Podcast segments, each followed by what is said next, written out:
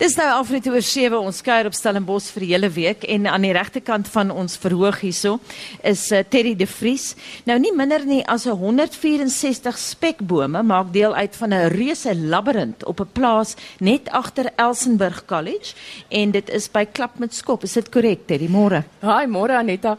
Ehm um, man, dis 164 000. 1000, ekskuus, 164. Maak tog 'n verskil, hè? Dis 'n groot verskil en ek is ook nie heeltemal so seker van daai syfer nie. Dit mag dalk uh, meer raak. Ehm um, ja, soos wat mense dit bou, so plant mens en uh, ek moet nog die presiese syfer uitwerk. Ja. Nou Terry, voordat die taalpolisie op ons spring, daar is 'n verskil tussen 'n doolhof en 'n labirint. Ons O, ja, praat hier ja. van 'n labirint. Ja, 'n labirint. Ja, nie beslis. 'n Doolhof is uh wat gewoonlik met heininge gebou word en die heininge is gewoonlik hoër skouerhoogte of hoër as 'n uh, persoon se lengte en jy verdwaal in 'n doolhof dan want daar's keuses jy kan of links of reguit of reg stap en dan staan doodloopstrate of doodlooppaadjies. Ehm um, en jy sukkel om by die middel uit te kom. En dis gewoonlik maar 'n speletjie. Dis 'n dis pret. En, en dan 'n labirint is 'n uh, een pad. Dis meestal net een pad. So dis die keuse is gaan jy dit stap of nie, want jy weet die pad alhoewel hy baie draaie en swaaye maak, gaan vir jou neem tot by die middel en dieselfde pad neem jou weer uit. So jy verkies labirinte duidelik en jy wou O, al ja. van 1997 af waar die belangstelling vandaan gekom. Ek het in 1997 het ek in Amerika 'n yoga kursus gaan studeer en my seun Josha was saam. Hy was uh, 5 op daai stadium. En dan van 8 tot 5 het ek gestudeer en dan was hy nou in die kleuterskooltjie daar. Ehm um, en as ek om 5 uur gaan haal het in die middag was dit nou selfmoorduur. Hy was baie moeg en moeilik en moody.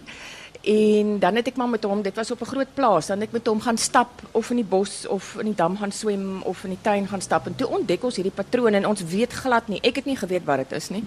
En ons begin mekaar te jaag in die patroon om te kyk wie kom nou eerste in die middel uit. En ek kon duidelik sien hoe dit sy gemoed verander. Dat hoe hy van 'n kwaai moeilike eh, kind 'n uh, uh, uh, gemaklike gelukkige lagende kind word. En ehm um, toe ek terugkom in Suid-Afrika, toe het ek begin navorsing doen op die internet begin oplees wat is 'n labirint want ek vra toe vir hulle maar wat is hierdie patroon toe sê hulle nee, dis 'n labirint. Ken ek dan nie 'n labirint nie? Ek sê nee, ek het nog nooit gehoor van 'n labirint nie. Anyway, toe ek terugkom, uh toe begin ek nou meer navorsing doen en meer oplees en dit was 'n gogga wat my gebyt het. Ek het begin bou en ek het nooit opgehou bou nie en ek het ook nooit opgehou stap nie. Ja. Terry, is daar 'n mark? Jy bou dit nou kommersieel vir mense. Is mense besig om bewus te raak van labirinte? Hoe lank is 'n stuk tou? As jy nou praat van kommersieel. Ehm um, bou ja, ek het al baie labirinte gebou uh hier in Suid-Afrika en oorsee. As ek uh, reis oorsee dan bou ek ook uh, op ag by skole uh by spa's, by retreatplekke ehm hier in Suid-Afrika op plase um, by die Hydro hier in Stellenbosch ehm um, en my heel eerste ene was in die Jan Maree Park hier aan die bokant van Victoria Straat. Ehm um, ja, so uh ek bou en ja, dit is nie noodwendig uh kommersieel ehm um, voordelig nie, maar ek geniet dit. Nou, kom ons praat van jou jongste projek. Het nou, hoekom bou jy 'n labirint van spekbome? Verduidelik vir ons daardie Ah. ene. Uh Pieter Shrimpton het my verlede jaar genader en vir my gevra of ek vir hom sal help om 'n labirint te ontwerp. Ehm um, wat so groot is soos die uh koning piramide in Egipte. Ja. En dit is 230 meter in deursnee. So ek wil net noem, ek meen dit is massief. So as jy begin stap, is dit 5 km totdat jy by die middel kom. So dis altesaame 10 km stap. so ek het geheime paadjies gemaak sodat dit jy vinniger na die middel toe kan kom en vinniger in en uit kan gaan. En ehm um, hy het 3 jaar gelede uh begin met uh om mense ehm um, van Kayamandi uh uh en en uh by klapmuts en so ehm um, te kry om te help om spekbome te begin propageer. Hmm, ja. Uh, Wat dis nie die woord nie, propagate. Wat is dit nou Afrikaans? Ehm um, Reklame maak Nee daarvoor? nee nee, jy maak steggies, steggies maak. Wow, ja, ja, ja, ja. sorry. En ehm um, en toe het hy probeer dink aan wat kan hy maak met die spekbome dat hy dit weer kan terugkoop van hulle sodat hulle 'n inkomste kan kry. Ja. En toe het hy gedink aan hierdie idee om 'n spekboom labirint uh, te bou en hy wou dit so groot as moontlik gehad het sodat jy as jy kan oorvlieg dat jy dit duidelik kan sien. En ehm um, ja, daar uh, is mense wat uh ehm um, besware het oor oor spekboomgebruik. Hmm. Spekboom is is 'n inheemse uh, Suid-Afrikaanse plant, maar dit kom meestal in in Oos-Kaap en dan van Stilbaai Klein Karoo daar op mm. uh, voor natuurlik. So ehm um, ek het al gesien uh, op sosiale media wat wat baie gevaarlik is van die mense plant dan 'n steggie sommer in ja. uh, in die in die berg waar nie hoort nie. Waar nie hoort nie. Mm. So dis baie goed om dit in jou tuin te plant mm. en uh, of in jou op jou balkon in 'n in 'n in 'n pot. Ehm um, want dit verskaf uh, suurstof en dit is die enigste of dit is een van die wonderlike plante wat ehm um, by in die dag en in die nag ehm uh, koolstofdioksied opeet as ek dit nou daai woord kan noem. Ja, so ehm um, so die plek waar ons dit hier bou, dit was 'n wingerdland. Ehm um, en hy lê nou net braak. So dit is 'n 'n landbou gezoneerde land. So dis nie in die natuur veld in die ja. natuur of so nie. Ja. So dit is om mense bewus te maak van hulle koolstofvoetspoor. As jy pas met ons aangesluit het, ons praat ver oggend met 'n ontwerper van 'n labirint en hier praat ons van 164 eh, 000 spekbome. En ek weet vir jou vra, jy het nou nog gepraat hierdie van jy kan nou stap deur die labirint, maar jy kan ook fiets. Ja, ja. Die paadjies, ehm um, ek gaan die uh, pad wat jy stap om tot by die middel te kom, gaan ek in twee opdeel. Een vir mense wat stap of rolstoele stoot en as die 5 km te uh, ver klink vir jou, dan kan hulle dit met 'n fiets ook ry. So dit is die, die eerste fietsry labirint in die wêreld. so behalwe nou vir die vir die koolstofdioksied wat uit die uit die, die lug uit die atmosfeer uitneem, wat is julle ander doelwitte met met die spekbome? Met die kostes en so aan.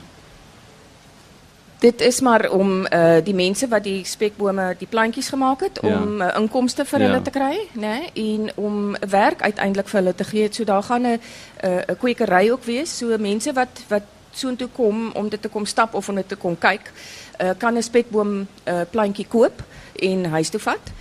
Um, ja, dit is uh, maar niet... Uh, uh, oh, ja, dit is ook deel van gemeenschap. Om, om gemeenschap Eh, uh, betrokke te kry? Terry ons sal met haltroep daar, maar ek gaan baie beslis kom kyk na jou labirint. Ek maak sommer nou 'n afspraak met jou. Ek weet dit gaan heuphoogte wees. Baie baie dankie dat jy spesiaal met hierdie koue wind. Wat praat julle van die Kaapse dokter? Dat jy kom kuier dit vir ons hierso. Ja. Dit dan Terry de Vries die ontwerper van die grootste labirint nog ooit in Suid-Afrika. En ek dink dit is die grootste labirint in die wêreld. Die grootste labirint in die ja. wêreld. Nou daar het jy dit. dankie. Dis 19 minute oor 7 jy luister aan Monitor op RSG regstreeks hier vanaf Stellenbosch en 2 jaar gelede het Monitor Monitor se sustersprogram Naweek Aktueel 'n onderhoud gevoer met professor Melanie Wewe, direkteur van die Suid-Afrikaanse Wingerd en Wyn Navorsingsinstituut oor 'n prototipe wingerd robot wat vanoggend saam met haar gekom het vir die onderhoud hier reg voor ons Anita. Ja, die aanvanklike prototipe sou net basiese funksies toets, maar sedertdien is 'n opgegradeerde en afgeronde industriële weergawe van die robot ontwikkel wat die afgelope seisoen nou getoets is. Melanie is dan ook saam met haar robot hier by die woordfees. Miskien kan van ons kollegas Vincent kan jy dalk organiseer dat hulle 'n foto van die robot plaas op ons webblad. Ek weet nie of ons dit gaan regkry nie, maar daar is die robot vir mense wat ver oggend vir ons kom kuier het. Melanie Melanie baie welkom weer eens. Ek dink ons het 2 of 3 jaar gelede, 2 jaar gelede gesels. Ehm um, nou stel ons eers voor want jou robot het 'n naam. Goeiemôre almal. Goeiemôre. Ja. So ehm um, die robot wat hier voor staan se naam op die oomblik is die Dassie. Die Dassie. Die Dassie ja, die WNR is ons vennote gewees om hierdie robot te help bou en hulle die ehm um, Hulle volg altyd die protokol om sodra hulle 'n robot gebou het, dan gee hulle hom een van die dierename in Suid-Afrika. So op hierdie stadium is hy nog die Dassie. Dit is nog steeds 'n prototipe. Dis nou 'n industriële weergawe prototipe en sy naam mag dalk verander soos wat ons nou vorder na meer 'n uh, afgeronde produk. Um, ja, maar dit is die dassie en hy het sekere funksies en um, hy kan rondbeweeg. Daar is ons het ons span saamgebring wat die robot kan hanteer so hy kan so 'n bietjie rondbeweeg. En daar's 'n paar uh, aanpassings gemaak sê ja. dit 2 jaar gelede bietjie ja. verfyn. Wat het julle verander? Ja, ek dink as 'n mens kyk of as jy as iemand wat die vorige robot gesien het en ek het hom laas beskryf as 'n ehm 'n kombinasie tussen Wall-E en uh, die maan rover. Ehm um, hierdie een is baie meer afgerond. So ehm um, in die eerste plek moes ons 'n grootskaalse um, aanpassings maak om hom meer stabiel te maak vir die wingerd. Die wingerde is baie ongelyk en is nie maklik om daar te beweeg nie. En omdat die robot eintlik 'n sensorrobot is, moes ons versigtig wees om die sensors te stabiliseer. So baie van die funksies wat op die oomblik ehm op die robot baie goed werk, um, werk omdat ons die die raamwerk moes verstewig. So hy's hoër van die grond af, hy het groter wiele, hy het 'n baie stewiger basis. Die batteryleeftyd is betekenisvol verbeter, ehm um, sodat 'n mens op 'n industriële groot wingerdskaal kan werk want ek meen wingerde is groot. So hy moet vir lang tye met sy ehm um, batterye kan werk en dan die stabiliteit is 'n belangrike aspek wat ook ingebou is. Nou ek weet op 'n praktiese vlak is daar plase hier so so Stokara wat uh, hierdie robot nou getoets het, maar ek wil weet hoe hoe reageer die wynboere op die robot? Ja, die die wynplaas wat ehm um, waar ons die wingerdwerk gedoen het, is Telima. Ehm um, so Telima het ehm um, het ons absolute vrye toegang gegee vir ons ehm um, kommersiële skaal toetsing en Um, ons het nog nooit met enige commerciële wijnboer gepraat wat niet opgewonden was om deel te worden van zo'n project. Nie. Op hierdie stadium moet ons dit eintlik beperk want ons kan nie op almal se plase gaan um, rondry nie, maar dis gewoonlik die eerste ding wat mense sê, bring hom na my plaas toe, ons hm. kyk of hy daar gaan werk. So mense is baie oop om ons toe te laat. Um, op hierdie stadium is dit nog hoofsaaklik navorsingsgebaseerd ook. So ons probeer fokus om die funksionaliteit van die robot te toets. Ons wil nie graag dit oorbemark nie. Ons wil nie sê hy kan alles doen en ehm um, voordat ons 100% seker is dat hy dit op 'n ehm um, op 'n volhoubare ehm um, skaal kan toets nie. En dan net so vinnig, wat kan hy alles doen? Ja, soos ek sê, dis 'n sensorrobot. So dis hmm. nie 'n robot wat meganiese funksies in die wingerd mm. op hierdie stadium verrig nie. So die belangrike ding ding is om inligting te versamel. So een van die groot probleme nog steeds in die wingerd en wynbedryf is dat wingerde so groot is dat produsente maak belangrike besluite soos wanneer om te oes, um, wanneer om sekere praktyke toe te pas op 'n relatiewe klein toetskaal. So hulle stap in die wingerd in op 'n paar plekke en hulle kyk na wat daar aangaan en gebaseer daarop aanvaar hulle oral in die wingerd is dit dieselfde toestande wat ons weet nie waar is nie. So die een van die groot doelwitte met hierdie robot is om op 'n wingerdskaal inligting te verskaf sodat die produsent um, baie goeie besluite kan neem wat 'n groot impak kan hê op die produk op die ou einde. Ons praat vanoggend met professor Malani Wewe, sy is direkteur van die Suid-Afrikaanse Wingerd en Wyn Navorsingsinstituut en ons praat met haar oor 'n prototipe wingerd robot wat ons hier voor ons het vanoggend. Die robot eh, Dassie het ook vir ons kom kuier. Ek wil weet is daar internasionale belangstelling? Ek dink dadelik aan die Franse. Ja, ehm um, internasionaal is daar 'n paar ehm um, groepe wat wingerd robotte ook probeer bou het. Ehm um, en en ook wel bou. Daar's ook kommersiële maatskappye wat baie fondse daarin sit om hierdie robotte te bou. Meeste van die robotte wat kommersieel beskikbaar is, is gebaseer op meganiese funksies. So dit sal byvoorbeeld of um, een of ander ander meganiese funksie. Um, wat natuurlik handig is, maar um, ek dink dit is nog nie op groot skaal toegepas nie uit 'n navorsingsoogpunt en 'n sensoroogpunt ook om inligting te verskaf. Is daar verskeie internasionale groepe wat baie geld spandeer het en ook probeer saamwerk het om hierdie robotte te bou en daar is prototipes daarvan ook, maar nog niks het verder gevorder as wat ons in byvoorbeeld is nie. Ehm die die een aspek dink ek wat baie belangrik is, ons robot is ehm um, opgestel om byvoorbeeld enige moontlike sensor wat handig te kan wees te kan hanteer. En ons het reeds hierdie seisoen ehm um, een van die internasionale um, groepe wat nie noodwendig op robotte werk nie, hulle werk op sensors. Hulle het die geleentheid gebruik om hulle sensor op ons robot te plaas. Dis 'n Nederlandse maatskappy wat 'n baie unieke sensor ontwikkel het, 'n hiperspektrale sensor om inligting te gee oor die um, toestand van die druiwe, die wingerde, um, en dan ook die druifkorrels om byvoorbeeld stresssyne um, te verskaf. So sensor is reeds op ons robot gewees die hele tyd. So ons kry baie geleentheid om met ons kollegas internasionaal saam te werk op hierdie stadium. Ons is nog nie in 'n direkte kompetisie met hulle nie. Ons werk eerder nog met hulle saam. Melanie baie dankie. Dit was dan professor Melanie Wewe, direkteur van die Suid-Afrikaanse Wingerd en Wyn Navorsingsinstituut. En jy het nie dankie gesê vir die robot en Gustaf. Ja, ja. Baie baie dankie Dassie. Dassie. baie dankie. Dis 26 minute oor 7 jy luister na Monitor op RSG en dit is musiektyd volgende, né? Die het jy al gehoor van die Khoisan Gypsy Band Anita? Ek het vroeër daarvan gelees, maar ek het hulle nog nooit hoor speel nie, so ek wil baie graag hoor hoe klink dit. Drie orkeslede is hier by ons, Leon, Dean en Fraser en hulle is deel van die Woordfeesproduksie Die Poet Wies Hy met gedenk die lewe van die digter Adam Smol. Kom ons gesels vinnig so met met hulle vanmôre. Waar kom die idee vir julle produksie vandaan? Goeiemôre almal. Ehm um, ek wil net sê dis 'n regtig nice om hier te wees en dankie vir die opportunity. Ehm die idee het ontstaan ek dink omtrent so 4 jaar terug. Het my ander ma, Tannie Margot Lake my gevra om 'n om om gedig van Adam Smol te sit. En sy het my groot Kersgebed van hom gegee en ons het opgeneem vir haar Kersprogram daai jaar. En uh, sy het my aangemoedig om dan 'n hele versameling van sy gedigte en sy prosie te vat en sodoende ehm, 'n um, show te kan maak van dit. Ja. Nou watter instrumente het julle gebruik om lewe te blaas in daardie gedigte en wat julle gaan gebruik hier vanoggend? Ja, daar's nie genoeg tyd nou om te sê die hoeveelheid instrumente wat ons speel nie, maar dis instrumente wat ons bymekaar sit wat nog nooit tevore so bymekaar gesit is nie. So dis alles van um Bushman bows, um Vietnam cellos, gitaar, banjo, um Wat is wat's daai kleintjie daar? Dis 'n ukulele. Uh. My goeie vriend Leon Juania speel hom baie mooi. So uh, ja, dis 'n versameling van klomp instrumente. Wat gaan julle vir ons speel nou? Ons gaan nou vir julle speel om Adam het hom gesê song vir Zaidi.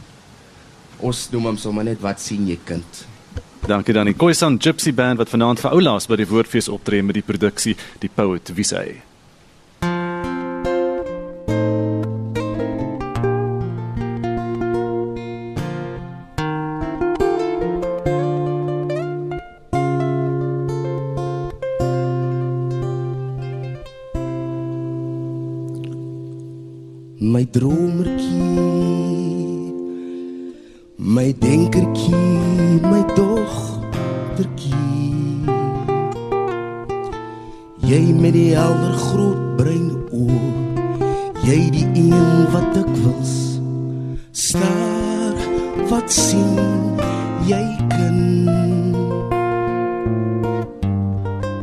Wat sien jy kind Jy glimlag en jy kyk daar ver, dan word jou groot brein oë doof. So asof droef. Jy wat 'n jonk verdroefheid is, sê dan vir my. My dogtertjie, my denkertjie, my dromertjie Wat sien jy kind?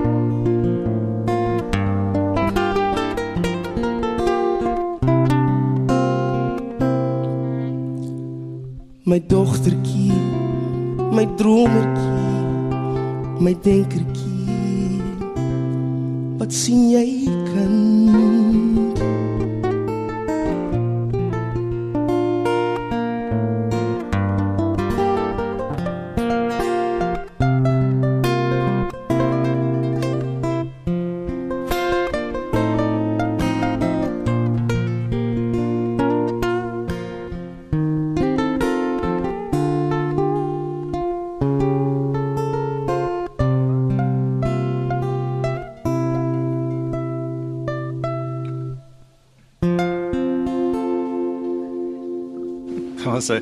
Baie dankie aan die Khoisan Gypsy Band wat dan vanaand vir oulaas hier by die Woordfees is met die Poet Wiesay. Lande beplan al dekades lank om 'n scenario soos dit te hanteer, so sê Dr. Adhanom Ghebreyesus van die Wêreldgesondheidsorganisasie. Trouwens, nou is die tyd om daadwerklik op te tree, dis wat hy sê. Maar hoe minimaliseer jy koronavirus se impak? By ons op die verhoog aan my regterkant, ons praat al heel oggend van jou, is Dr. Jantjie Taljaard. Baie welkom by Monitor. Dankie Anita. Kom ons begin by die koronavirus. Jy weet so baie is gesê en ons hoor nou professor Wim de Vlie het vroeër gepraat met Gustaf en gesê uh mens moenie heeltemal hysteries raak nie. Mens moet kyk na die perspektief rondom die virus. As 'n mediese dokter wat betrokke is by infeksie en siektebeheer by Tygerberg, dokter Taljard, hoe gevaarlik beskou jy die koronavirus? Ja, dis dis natuurlik 'n gelaaide vraag. Dit dit is 'n verskillende vlakke um, wat 'n mens die die probleem kan um, aanspreek. As 'n siekte op sigself is dit 'n uh, bietjie ernstiger as 'n gewone griep. So dis 'n bietjie van 'n amper soos 'n griep op steroids. Ehm um, maar anders andersins is dit nou nie 'n dodelike siekte nie. Ehm um, dit dit dit gaan nie die helfte van die mensdom uitwis nie. Dis nie 'n plaag nie. Ehm uh, maar ek is eintlik meer bekommerd oor die gevaar wat dit inhou vir ons uh uh gemeenskap in die algemeen, hoe ons krisisse hanteer, hoe ons uh, optree as daar paniek mense paniek bevange raak en hoe ons moontlik dan ook ons gesondheidsorginstansies kan oor oorlaai met uh, onnodige probleme.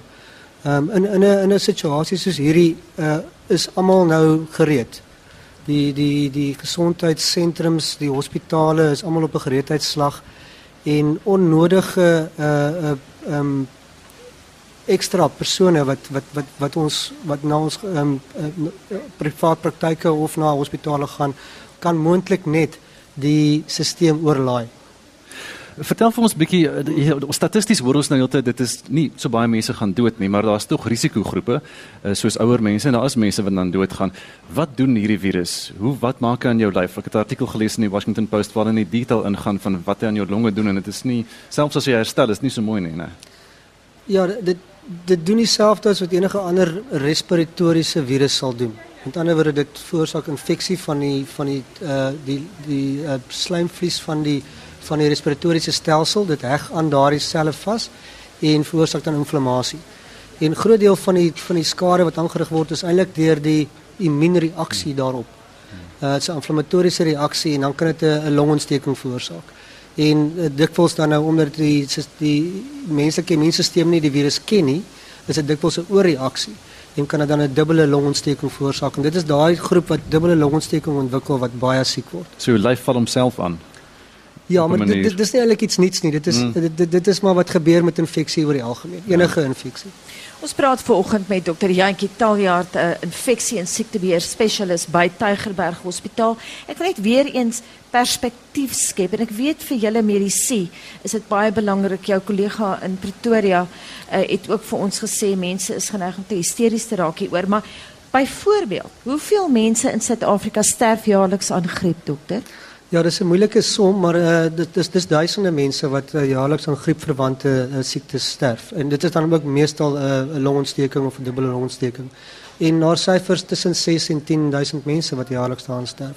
Ons het elke jaar ook hier op RSG 'n uh, uh, uh, veldtog vir griepinspuitings en dit is dit doen ons elke jaar, maar niemand eintlik luister daarna nie want griep is 'n bekende siekte. Ons is almal bekend met griep en ons dink dit is maar hoe dit is, maar dit dit is definitief ook 'n dodelike siekte. Is Suid-Afrika in die openbare gesondheidstelsel hierso gerad vir die koronavirus om dit te kan hanteer? Daar was kritiek geweest van hierdie selfde wêreldgesondheidsorganisasie wat gesê het daai ouens moes nie deurgekom het by die lughawe nie. ja, ek weet nie hoe hulle so kritiek kan lewe nie. Ehm um, alom bekend dat lughawe ehm ehm lughawens op die meeste 'n uh, vyfde van mense gaan optel wat inkom.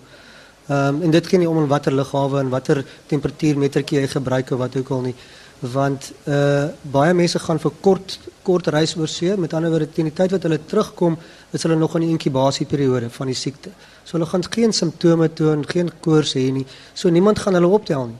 En ek dink dis daar waar ons moet moet moet 'n kop skuif maak. Ons dat iemand anderster die siekte gaan optel nie. Uh die die publiek, die algemene straat moet verantwoordelikheid neem en weet wat hulle risiko is en sou hulle dan siek word en dink dat hulle moontlik blootgestel kon wees met hulle onmiddellik uh, dan die die verantwoordelike ding doen om uh, mediese sorg te kry. Gustaf praat nou van kritiek, maar ek wil vir jou vra dokter, wat dink jy van die Chinese se hantering daarvan want hulle het ook deurgeloop onder kritiek? Ja, ek dink hulle het baie val onder Amerikaanse kritiek deurgeloop as mens die die New York Times en die Washington Post se gelees het. Maar ehm um, ek is nou nie 'n kenner op hulle op hulle ehm um, ehm nie, maar Uh vanuit die mediese perspektief dink ek dit is ongelooflike reaksie gewees. Uh effektief hulle het ook uh, vanuit 'n uh, wetenskaplike oogpunt onmiddellik die virus geïdentifiseer. Binne 'n maand het hulle die genoom uitgewerk en toetse ontwikkel. Ehm um, saam met natuurlik baie ander om om dit te diagnoseer. Ehm daar was 'n 'n 'n 'n brief, 'n oop brief wat in die Lancet uh joernaal gepubliseer is deur deur 'n klomp infeksiesiekte spesialiste dwars oor die wêreld en nat, natuurlik almal wat dan nou by bydra kon kon kon aanlyn bydra en ons ondersteun dit. En dis duisende infeksiesiekte spesialiste en epidemioloë dwars oor die land wat die Chinese geprys het vir hulle reaksie. Is dit moontlik om hierdie COVID-19 virus siekte te kry en heeltemal asymptomaties te wees en, nooit eers te weet nie, gaan deur jou en jy herstel weer? Dit is nie heeltemal bekend of dit so is nie. Dit ehm um, die as ek nou so lees dit wat al beskikbaar is, is dit baie skaars. Ehm um, die meerderheid mense sal simptome hê. So um, by verre die meerderheid. Jy sal ja. weet jy ja, is siek. Ja. Net op 'n praktiese vlak, daar is nou banke wat hulle beleid rakend biometriese toegang hersien. Ek weet ons sit by die SAIK biometriese toegang as ons ingaan in die gebou in. Hoeveel kieme versprei so? ja, ek weet nie, maar dit dit maak net sin dat daar sekerlik baie kieme so kan versprei. Ek wil net weer eens vra luisteraars is daar enige iemand wat dalk vir Estie 'n vraag het, dan kan sy die mikrofoon na jou toe bring. Het jy 'n spesifieke vraag vir dokter Taljaard? Enige iemand hierso? Dit lyk op die oomblik asof jy al die inligting baie deeglik deurgee. dokter, wat is die belangrikste boodskap wat jy vanoggend aan die Suid-Afrikaanse publiek wil gee in terme van die koronavirus? Ek dink almal moet besef ons het nie 'n uitbreking van koronavirus in Suid-Afrika op die oomblik nie. Ehm um, daar is enkele gevalle en hulle hou almal verband met mekaar en met reis na Italië. En daar is natuurlik kan ons verwag dat daar nog gevalle gediagnoseer gaan word in af, in die volgende paar weke wat moontlik verband kan hou kan hou met die eerste groep wat in Italië was, maar natuurlik nog mense kom terug van Oosea waar daar uh, wel uitbrekings is. En ons kan moontlik dan ook in hulle in daai gevalle dit diagnoseer. So moenie onnodig paniekerig raak as daar nou nog 'n geval of nog 'n geval gediagnoseer word nie. Kyk, wat is die omstandighede waarin daai persoon gediagnoseer is? Is hy alreeds uh, hy of sy en hou dit verband met ander kontakte wat reeds um, gediagnoseer is? So dis die eerste punt. Um, daar is nie 'n uitbreking in Suid-Afrika op. Die die tweede punt dink ek, um, wanneer ons in 'n in 'n situasie kom waar jy dink dat jy moontlik die infeksie kan hê en iemand anders het dit nou nou ook genoem is moenie net na 'n uh, dokter toe gaan of na 'n hospitaal toe gaan nie. Lig hulle eers in dat jy wie jy is, wat jy dink in die gang is en dan dat jy dat jy mediese sorg wil hê. En dan kan hulle gereed maak vir jou vir jou um um aankoms en die nodige uh, voorsorgmaatreëls tref. Want as iemand soos ek vat nou my voorbeeld die eerste geval wat in in Natal nou gediagnoseer, KwaZulu-Natal gediagnoseer is, daai dokter is ook nou in kwarantyne vir 2 vir 2 uh, weke. Hmm. Dink jy net in dat sou jy nou net na 'n hospitaal toe gaan en na die ongevalle toe en daar sit en wag 'n uh, eh, klomp mense, die dokter sien met die dokter gesels met die suster. Al daai mense is dan nou moontlik blootgestel aan jou koronavirus. Hmm. Sou dit nou uh, wel so wees dat jy dit het? En al daai mense moet dan vir 2 weke gekwarantyne word. Hmm jy kan maklik of ons kan maklik die hele gesondheidstelsel lam lê deur onnodig na 'n uh, uh, um, gesondheidsorg um, of na dokter toe te gaan. Bel hulle eers as jy nie 'n telefoon het nie, kry iemand om jou te help en hulle in te lig dat jy wel op pad is. Sou jy net daar wees en vergeet dit om te bel, uh, probeer so min as moontlik kontak met die meerderheid mense hê en net onmiddellik uitvind waar moet jy wees en gaan dan soontoe. En dis dan seker wat in Italië gebeur het, hoe dit so vinnig dan versprei. Ons het 'n vraag hierso van die gehoor, is dit staan daar gereed met iemand se vraag? Ja, Henny wil graag 'n vraag vra. Môre dokter, um, ek wil graag weet uh die groep mense wie se immuniteitstelsel reeds gekompromiteer is, soos die HIV positiewe groep mense. Hoe gaan die virus hulle beïnvloed? En gesels 'n bietjie oor as daar as die persoon miskien TB het en die virus tref hulle, hoe gaan daai groep mense geaffekteer word? Dankie. Ja, dankie en ek dink dit is 'n baie goeie vraag. Ons ons weet en weer eens mense moet nou maar kyk na wat daar reeds ge, geskryf is uh, uh van dit die uit, uitbreking plaasgevind het. Ons weet reeds dat die mense wat 'n hoë risiko het om erger siek te word, is die mense wat ehm um, ouer as as 65 of nog ouer is, is dit of selfs die die die die die syfer gaan begin al opgaan na 50 Uh, maar dit is eers hier na 65 en dan mense met ander hart en longsiektes. Uh, dit sal insluit iemand wat voorheen tuberkulose gehad het, wat skade van die longe het. Hulle kan miskien nou uh, ook ernstiger siek word. Daar's geen inligting tans oor die effek op HIV nie.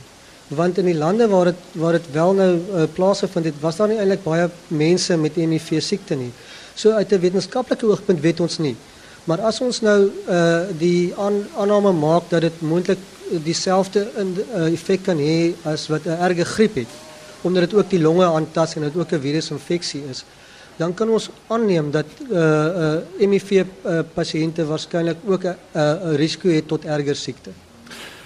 Waar staan ons in hierdie stadium met 'n uh, enstof en en hoe gaan dit te werk om 'n enstof te ontwikkel? Hoe werk daai proses? Ja, dis 'n komplekse uh, uh, proses. Ehm um, uh, ek is nie 'n uh, uh, uh, kenner op daai gebied nie, maar ek dink ehm um, uh die huidige of die die die die die siening wat wat daar tans is is dat dit kan nie vinniger as 'n jaar tot 18 maande wees voordat ons 'n uh, effektiewe enstof uh, daar het nie. Ehm um, ja, dit is die dis die huidige siening van die WGO. Wat wat moet gebeur is hulle moet hulle moet eers die enstof ontwikkel wat natuurlik 'n 'n proses is en daar's baie geld nodig daarvoor. Ehm um, wanneer dit dan nou uh ontwikkel is en dit dan moet dit getoets word. Ehm um, seker wees is veilig en, en daarna moet dit op massa geproduseer word wat ook nog lank vat. So ek dink nie mense kan en, en uh, hulle sê 12 tot 18 maande is eintlik 'n baie vinnige uh uh vooruitsig. Gewoonlik vat dit nog langer as dit. Kom ons praat 'n bietjie oor die wêreldwye protokol wat die hantering van die koronavirus betref op 'n praktiese noot. Ek weet die Suid-Afrikaners werk ook saam. Ek dink almal werk saam, seker behalwe die Noord-Koreane. Maar uh, in in hierdie geval op 'n praktiese vlak, dokter, hoe is jy betrokke by hierdie wêreldwye poging? Hoe is Tygerberg betrokke? Goed, so die die nasionale instituut vir oordraagbare siektes is is die is die uh koördinerende liggaam in Suid-Afrika saam met die uh, nasionale departement van gesondheid. So hulle het reeds um, in in Januarie begin of uh, einde Desember toe daar toe dit nou bekend raak dat daar uitbreking is, het hulle reeds begin met voorbereidings en ons almal ingelig wat aan die gang is. Um, en soos hulle dan nou ook self sê, uh, ons is gelukkig dat ons het 'n voorsprong. Ons het nou al reeds 'n 6 weke voorsprong vir voorbereidings te tref, alles reg te kry. Ehm en ehm um, so hulle beheer dit. En uh, ons is dan nou ook dan nou by ons hospitaal, maar eintlik al die provinsies is uh, om hulle eie prosesse aan die gang te kry, ook gebaseer op die WGO se se um, aanbevelings. So dit is maar hoe ons betrokke is. Ons is maar deel van die gesondheidstelsel en ons uh, Hospitaal oor die was nog altyd die hospitaal waar hoogs aansteeklike siektes geïsoleer sal word as gevolg van die Kongo koors ehm um, gevalle wat ons in die 1970s daar gehad het waar daar 'n uitbreking in die hospitaal was. En daarom is ons geïdentifiseer ehm um, as een van daai hospitale. Daar's ook ander hospitale in die land wat wat eh, ehm uh, um, Kongo koors uh, isolasie eenhede het. En hulle is dan ook as gevolg daarvan as gevolg van die fasiliteite geïdentifiseer. Maar ek moet bysê dit dit gaan nie regtig oor oor die die die die hoogs uh uh gespesialiseerde isolasie eenheid nie. Dit is 'n siekte soos wat dieselfde oorgedra word as griep en jy het baie nabye kontak nodig. So 'n enkel kamer uh is al as reeds goed genoeg om iemand te isoleer. Jy het nie regtig 'n hoogs gespesialiseerde gespesialiseerde nodig nie. Maar ons is nou geïdentifiseer in die huidige uh omstandighede wat ons is. Met ander woorde, ons het nie uitbreking nie en die enkele gevalle wat inkom, ons so goed as moontlik hanteer.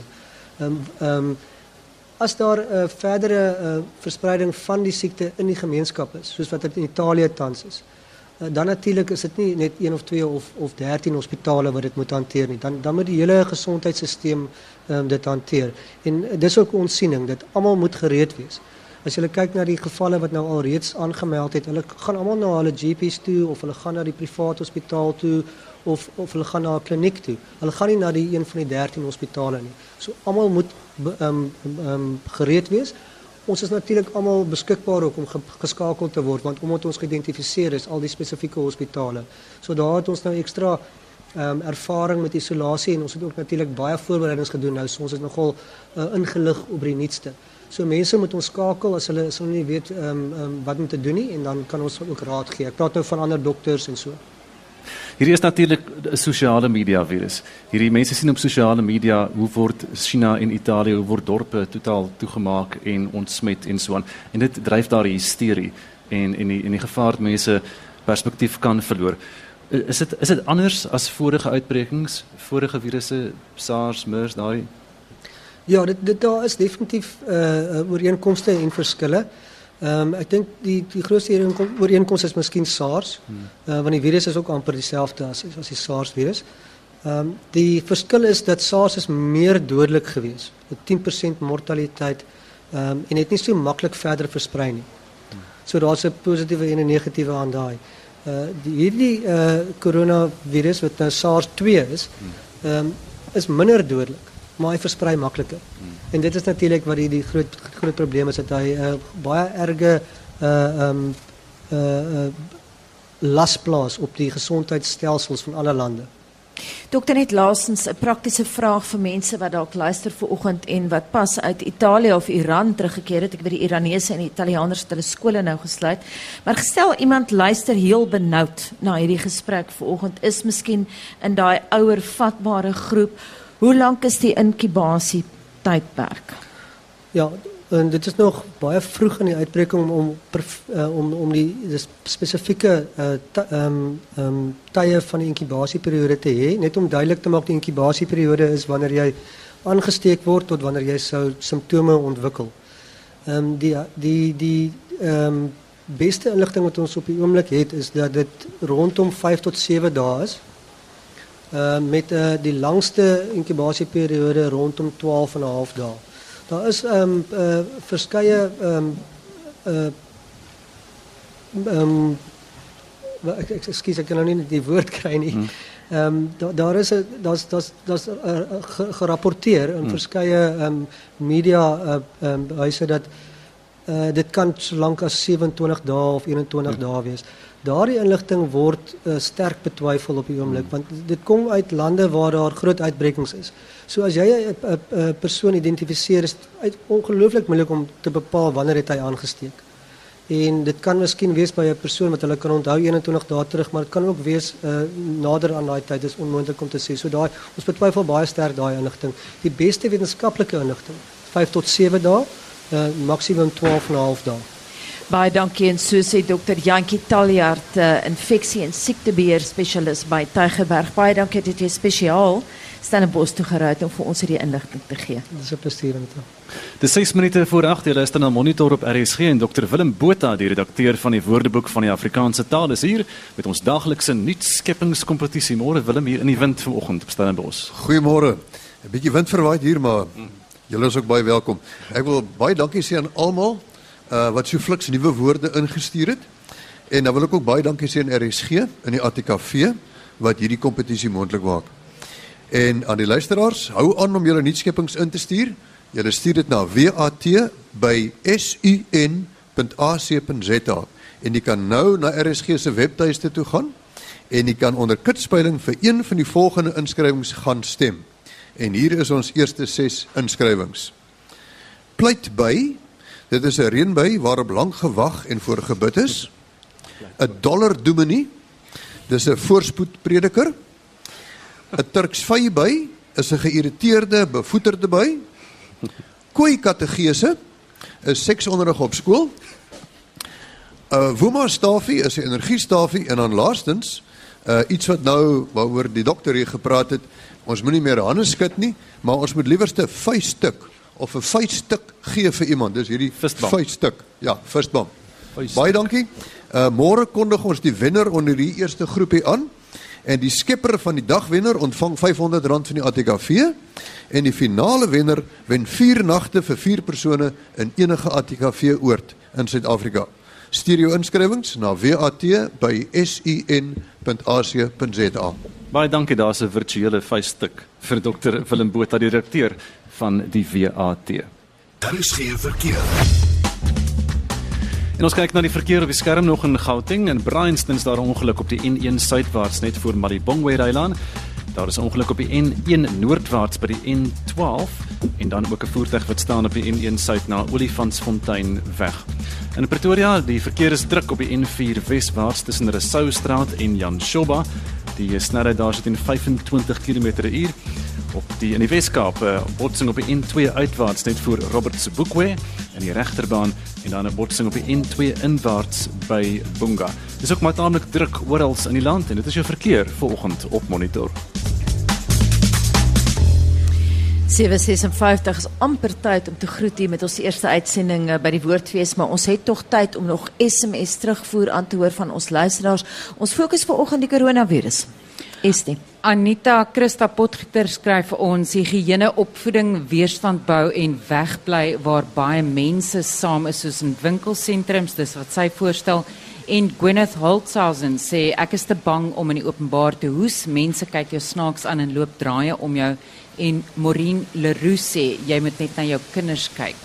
Kyk en jou hande was en dis al wat jy kan doen is daar enige terugvoer van die mense wat in ons gehoor sit iemand wat iets wil sê vir ons Jy het nou 'n laaste kans om jou sê oor mm. coronavirus te sê. Ek dink is dit ek moet sê uh, dokter Staljaard het die coronavirus baie ja. mooi in perspektief vir ons geplaas. En weer eens daardie boodskap wat ons by professor Wim de Villiers ook gekry het dat mense hoef nie hysteries te raak nie. Jy moet basies net jou gesonde verstand gebruik in terme van die virus. Ook belangrik Gustaf wat ek dink hy gesê het is dat uh, daar is baie vals nuus oor die coronavirus en die, die inkubasietydperk is nie 27 dae nie. Hy praat van tussen 2 en 11. Ja. Ja, 5 5 dae, 5 na 7 dae. Ook interessant wat ehm uh, daai luisteraar gister ge, gepos het in so, uh, sosiale media dat hierdie inderdaad die sosiale media virus is soos mm -hmm. wat jy ook aan hom gestel het. Dis nou 2 minute voor 8 hier op monitor regstreeks vanaf die Woordfees in Stellenbosch met die wind wat taamlik sterk waai rondom ons. Marlene is hier en wat gebeur op Spectrum se dagboek? In die lig van internasionale TB maand praat ons met 'n voormalige TB leier oor die stigma om TB se gaan vir ons vertel hoe gesondheidswerkers dikwels onkundig is oor die siekte versprei. Ons vind ook meer uit oor die baanbreker werk wat deur die Desmond Tutu TB sentrum hier op Stellenbosch gedoen word vir kinders met TB. Die voormalige AgriSA president Dan Kriek waarsku dan in 'n opiniestuk dat die burgerregteorganisasie AfriForum die landbou betree vir eie gewin en feesnuus ons gaan jou 'n voorsmaakie gee van 'n dansproduksie wat hier by die Woordfees aangebied word. Maak seker jy kom maak 'n draai vanmiddag tussen 1 en 2.